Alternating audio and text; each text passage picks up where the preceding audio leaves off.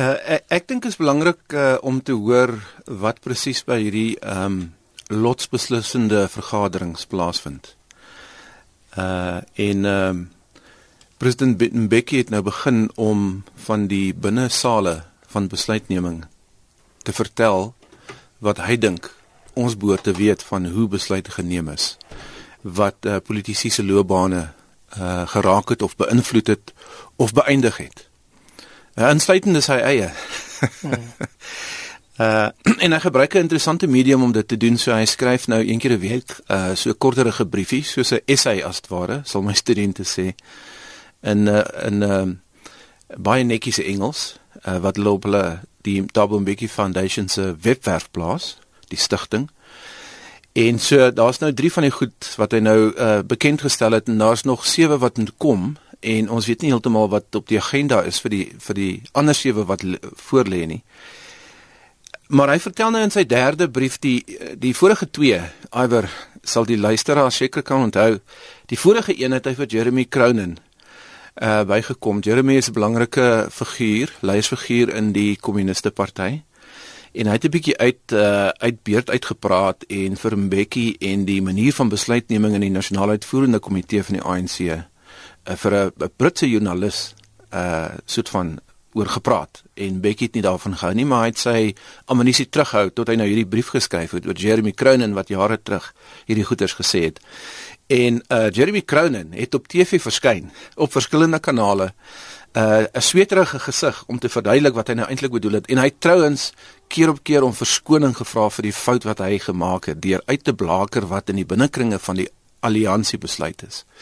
Uh die heel eerste brief het hy geskryf uh, ek kan nie heeltemal onthou nie.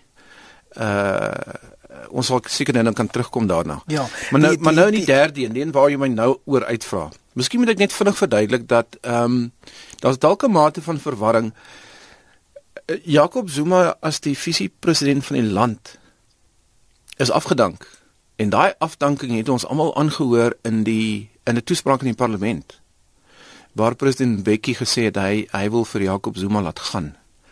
Uh as gevolg van die rits aanklagte van korrupsie en ander goeters teen hom. Uh maar jy kan ook die visiepresident van die ANC wees van die regerende party. En Die derde brief gaan oor die dinamika van wat agter die skerms gebeur het met Jacob Zuma as die visiepresident van die ANC. En daar verduidelik Tabo dat hy hom nie gefire het in 'n vergadering nie. Uh hy het gedink dat Jacob Zuma moet terugtreë as die visiepresident omdat daar soveel aanklagte teen hom gaan kom, seksuele teistering en korrupsie en noem maar op. Maar die die die dinamika van die van die kamerade in die in die uitvoerende komitee of in die raadsvergadering was sodat party mense hom wou laat gaan en ander wou hom terugbring en en Thabo Mbeki skryf in detail oor wat daar presies gebeur het. Mbeki sê Zuma wou eintlik laag lê oor dreigende regstappe teen hom. Impliseer die voormalige staatshoof dat president Zuma self agter in sy woorde 'n smeerveld tog teen hom was teen Mbeki. Teen Mbeki. Hy hy sê dit nie direk nie. Ek dink hy hy speel daarop.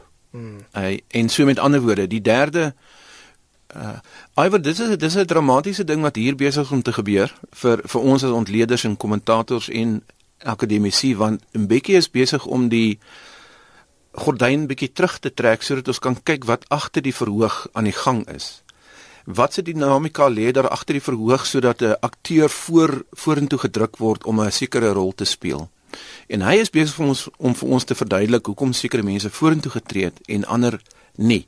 So dis my baie belangrik dat hy hierdie tipe van goeters begin sê. As jy dalk laat by ons ingeskakel het en wonder presies waaroor ons vanoggend hier op monitor praat, ons praat oor oud-president Thabo Mbeki se jongste oop brief waarin hy omstrede kwessies gedurende sy termyn beskryf Die eerste brief het gefokus op 'n beweerde poging tot 'n staatsgreep deur prominente ANC-leiers. In die tweede brief ontken Bekkie onder andere dat hy 'n autokraat was wat interne debat gesmoor het en die jongste brief wat gister gepubliseer is, daarin bespreek um, hy Zuma se destydse vertrek as adjunkpresident en hier by my in die ateljee se professor in regeringskunde by Wits, Antoni van Nieuwkerk. Nou Antoni Zuma het 'n hofstukke oor die spionasiebande saak onlangs aangevoer dat Mbeki hom 20 miljoen rand aangebied het om te bedank. Die vraag is nou wie glo mens? Dis dis 'n storie wat moeilik is om te glo. Want ek dink van ek dink van al die uh, ANC leiers wat ek ken, is Thabo Mbeki uh, 'n kontroversiële een, maar nie 'n korrupte persoon nie. Uh, ek is oortuig daarvan. Ehm um, ons moet nog praat oor die die groot foute wat hy gemaak het in sy amptetermyn, waarvan daar 2 of 3 is. Uh maar ek dink nie korrupsie is een nie. Mense kan dalk as jy sinies is oor die termyn van Thabo Mbeki, kan jy dalk aanvoer dat hy nie genoeg gedoen het om die instrumente in plek te stel in die staatsadministrasie om te verhoed dat korrupsie vlam vat uh tydens of na sy amptetermyn nie. En miskien die groot aanklag teen president Mbeki is hoe kon hy toelaat dat die grond voorberei word vir Jacob Zuma om die volgende president te word? Mense verkwalik hom daarvoor. Uh maar of hy korrup was, ek twyfel baie sterk, baie sterk. En 20 miljoen rand om iemand ek ek kan amper nie glo. Hoe gaan 'n mens die storie kan bewys? Hmm. Ek dink dis 'n tamaletjie. Hoe raak hierdie Mbeki briewe die ANC? Dis 'n jaar van die munisipale verkiesings. Ja, jy weet baie mense sê uh hoekom uh hoekom sal 'n sta voormalige staatshoof nou ou koeie uit die sloot wil grou? Hmm. Baie van die goeders wat Tabo Mbeki nou sê en oor 10 briewe gaan sê, speel in op hoe die uh land regeer word vandag en wat ons in die toekoms van die ANC kan verwag. so ek dink 'n mens moet sy briewe lees op verskillende vlakke as jy wil. Die een is wat elke joernalis in die eerste minuut doen as die ding gepubliseer word op die stigting se webwerf en ek dink hulle trek nou baie lesers. ja, dis ook op Facebook. En, en dis op Facebook ook. Is what is the revelation? Wat is die wat wat blaker hy nou uit? Wat maak hy bekend wat ons nog nie geweet het nie? En uh en die drie briewe het 'n element daarvan. Die tweede ding waarna mens moet kyk is Mbeki uh probeer 'n saak regstel volgens hom waar hy negatiewe publisiteit gekry het in al hierdie gevalle tot dusver. Maar in die derde geval lees ek die brief om te sien of hy iets sê vir ons oor hoe die uh, land bestuur word. Toe hy die nou moet ons ook onthou, iwer as ek dit kan sê dat nou praat ek as 'n akademikus. Dis my belangrik om te onthou dat uh, Thabo Mbeki destyds Nelson Mandela se se eerste minister was as ware, sy adjunk, maar hy het 'n geweldige rol gespeel destyds en in twee termyne as die as die intellektuele reus in die ANC wat die staatsbestel gevestig het. Hy het bepaal hoe die staatsadministrasie moet werk. En ons sit met die nagevolge daarvan. Hy het trouens so wyd gedink dat hy SADC, die streeksorganisasie en die organisasie vir Afrika eenheid omvorm het tot 'n nuwe instrument om die om die kontinent beter te bestuur. Ons sit met die nagevolge daarvan of ons nou met soos Willie nou vroeër gesê het in jou program of die AI in staat is daartoe om konflikte besleg of vrede te bewerkstellig en en wat 'n paradoks dat Jacob Zuma se voormalige vrou aan die hoof staan van die AI kommissie. Dit is Mbeki se nalatenskap waar ons praat en ek wil nou in die derde brief kan ek sê Iwer verduidelik Mbeki breedvoerig hoe die ANC se agenda geskep word vir die jaar wat voorlê. Die keuses wat hulle wil maak en die prioriteite wat met ander woorde, ons weet aan die begin van elke jaar open die parlement met uh, kanonne en perde en soldate en LPs wat snaaks aantrek en partykeer mooi ook. en dan maak die staatspresident 'n toespraak. Mense is baie keer verward. Hulle dink maar dit is 'n Jakob Zuma wat nou sy eie toespraak lees en dan lees hy die syfers verkeerd en so aan. Daai tipe van, jy weet, oppervlakkige ontleding. Dit is 'n dit is 'n 'n beleidstoespraak wat deur die regerende party aangebied word as die parlement. Dis nou binnekort, nê, oor 2 weke. Dis reg. Of 'n week en 'n half gaan dit nou weer gebeur. Thabo Mbeki verduidelik breedvoerig in sy derde brief hoe die ANC by daai toespraak uitkom. En dis 'n uh, dis die top 6 wat uh, in die eerste plek uh rigting gee en dan uh verskeie legotla of uh, bosberade of vergaderings van topbestuur van die hele staatsdiens en van die ANC se uitvoerende komitee wat bymekaar kom en dan 'n pro program van aktiwiteite uitstippel vir die jaar wat voorlê. Nou ja, hier antwoord Thabo Mbeki die een kritiek wat baie mense op hom het. Hy het 'n arrogante en 'n uh, abstrakte en intellektuele president geword wat nie geluister het na die stem van die mense of van belangrike stemme binne in die regerende party nie. Hy verduidelik in sy derde brief en 'n mens sal mooi moet gaan dink of dit nou alles sin maak, maar hy verduidelik uitvoerig hoe kollektiewe besluitneming in die ANC werk. Antonie, hy was vir so lank stil. Ons weet Mbeki is 'n ja. baie private mens. Nou praat hy ewe skielik, wat het hom gekeer tot dusver? Om om te praat. Hmm. Hoekom het hy so vir so lank stil gebly? Ja. Dis dis vir my 'n 'n tergende raaisel. dis moeilik om dit te antwoord. Ehm um, jy's reg, Iwer, hy's hy's baie privaat mens. Ek twyfel sterk of hy of hy op 'n radioprogram gaan gaan of 'n TV-program gaan deelneem en praat. Ek ek dink nie. Trouwens, uh, ek ken van die mense in die stigting waar uh, sy stigting elke afgetrede president het mos 'n stigting. Ja. Of dit nou in Amerika is of in Suid-Afrika. Dis 'n lekker ding. Ehm um, ek ek wil vir meneer Mbeki aanbeveel dat hy eintlik 'n boek skryf. Jy weet ander mense het boeke oor hom geskryf wat ons in die akademie gebruik om uit te werk wat gebeur het in sy amptetermyn. Hy moet 'n hierdie hierdie briewe is baie kort en dis soort van teasers as dit ware. Dit laat jou 'n bietjie verder dink. Hy moet hierdie goeders ordentlik in hoofstukke omskep.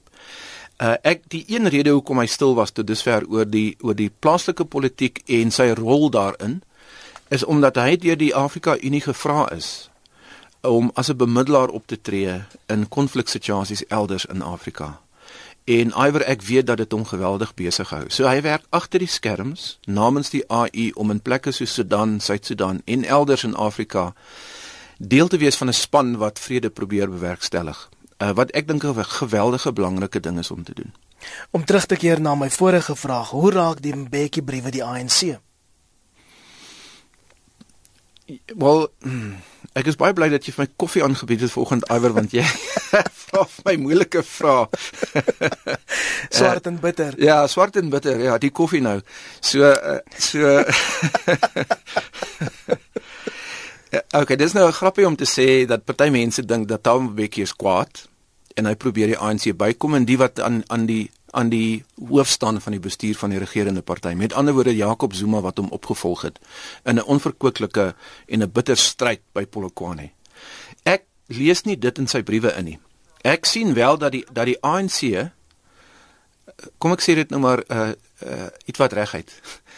Die ANC is op die agtervoet gevang deur hierdie briewe. Hulle is die eerste ouens wat hierdie goeters lees vroeg in die oggend, 3:00 in die oggend as daai webwerf oopmaak om te sien wie's die volgende senior amptenaar in die regerende party wat nou in hierdie brief beskryf word, wat een of ander fout gemaak het of uitgedaag word. So die ANC is op die agtervoet. Hulle is versigtig oor wie nou aangeval word. Die mense wat aangeval word, praat almal in die media oor oor 'n ander sy van die saak. Mense reageer baie vinnig. Dis eintlik 'n negatiewe ding. En ek moet sê wat Mbeki nou doen, het dalk langtermyn gevolge op die op die ANC want ons praat van die manier waarop die die party bestuur word en daar soos ek vroeër gesê het, hy maak die hy trek die gordyne 'n bietjie oop. Ons sien in die binnekring in wat aan die gang is. So na dese, na 10 briewe, kan ek nou vir jou waarborg dat die ANC nie meer kan sy eie sake bestuur sonder om te dink dat iemand gaan weet presies weet wat gesê in watter vergadering nie. Nou dit gaan die manier van van bestuur nou mos verander. En ek dink ten goeie, want nou gaan jy gedwing word om 'n ordentlike vergadering te hou. Iemand gaan notules neem. Hulle gaan jou waarskynlik die ding opneem en transkribeer sodat jy die ding kan teruglees na die tyd en mense gaan baie versigtig wees om lelike goeders oor ander kollegas in binnevergaderings te sê. Ek gaan jy amper moet begin groet sodat jy by daai swart en bitter koffie kan uitkom. Probeer om Becky die geskiedenis herskryf. Hy hy probeer die geskiedenis wel. Okay, dis nou weer 'n filosofiese vraag want die geskiedenis word geskryf deur die wat wen, die wat mag het ja. en invloed. Uh en ek dink die beste voorbeeld daarvan as ek vinnig kan sê is wat is die nalatenskap van Paul Kruger vir ons as Suid-Afrikaners? Daai stukkie geskiedenis nadat die foto van die DA lid langs jy weet nou op die aan die groot klok gehang word daai deel van die geskiedenis gaan nou weer van voor af oopgevlek en in diepte bestudeer word. Thabo Mbeki probeer sy kant van die saak stel in die opskryf van geskiedenis wat 'n dinamiese proses is en wat van tyd tot tyd verander omdat ons nuwe inligting kry wat ons voorheen nie heeltemal verstaan het nie. En as ons ons geskiedskrywing goed doen iwer as Suid-Afrikaners, dan moet ons probeer verstaan of ons self in die skoene van die ander party, die wenparty of die verloorparty stel om te sien hoe hulle die geskiedenis verstaan. En Thabo Mbeki maak vir ons 'n bydrae daartoe. Ons verstaan nuwe dinge en op 'n beter manier. Nou wag ons vir die volgende episode, aflewering 4. Ja, ek weet nou nie of ek elke keer moet kom koffie drink vir 10 keer hier by julle nie.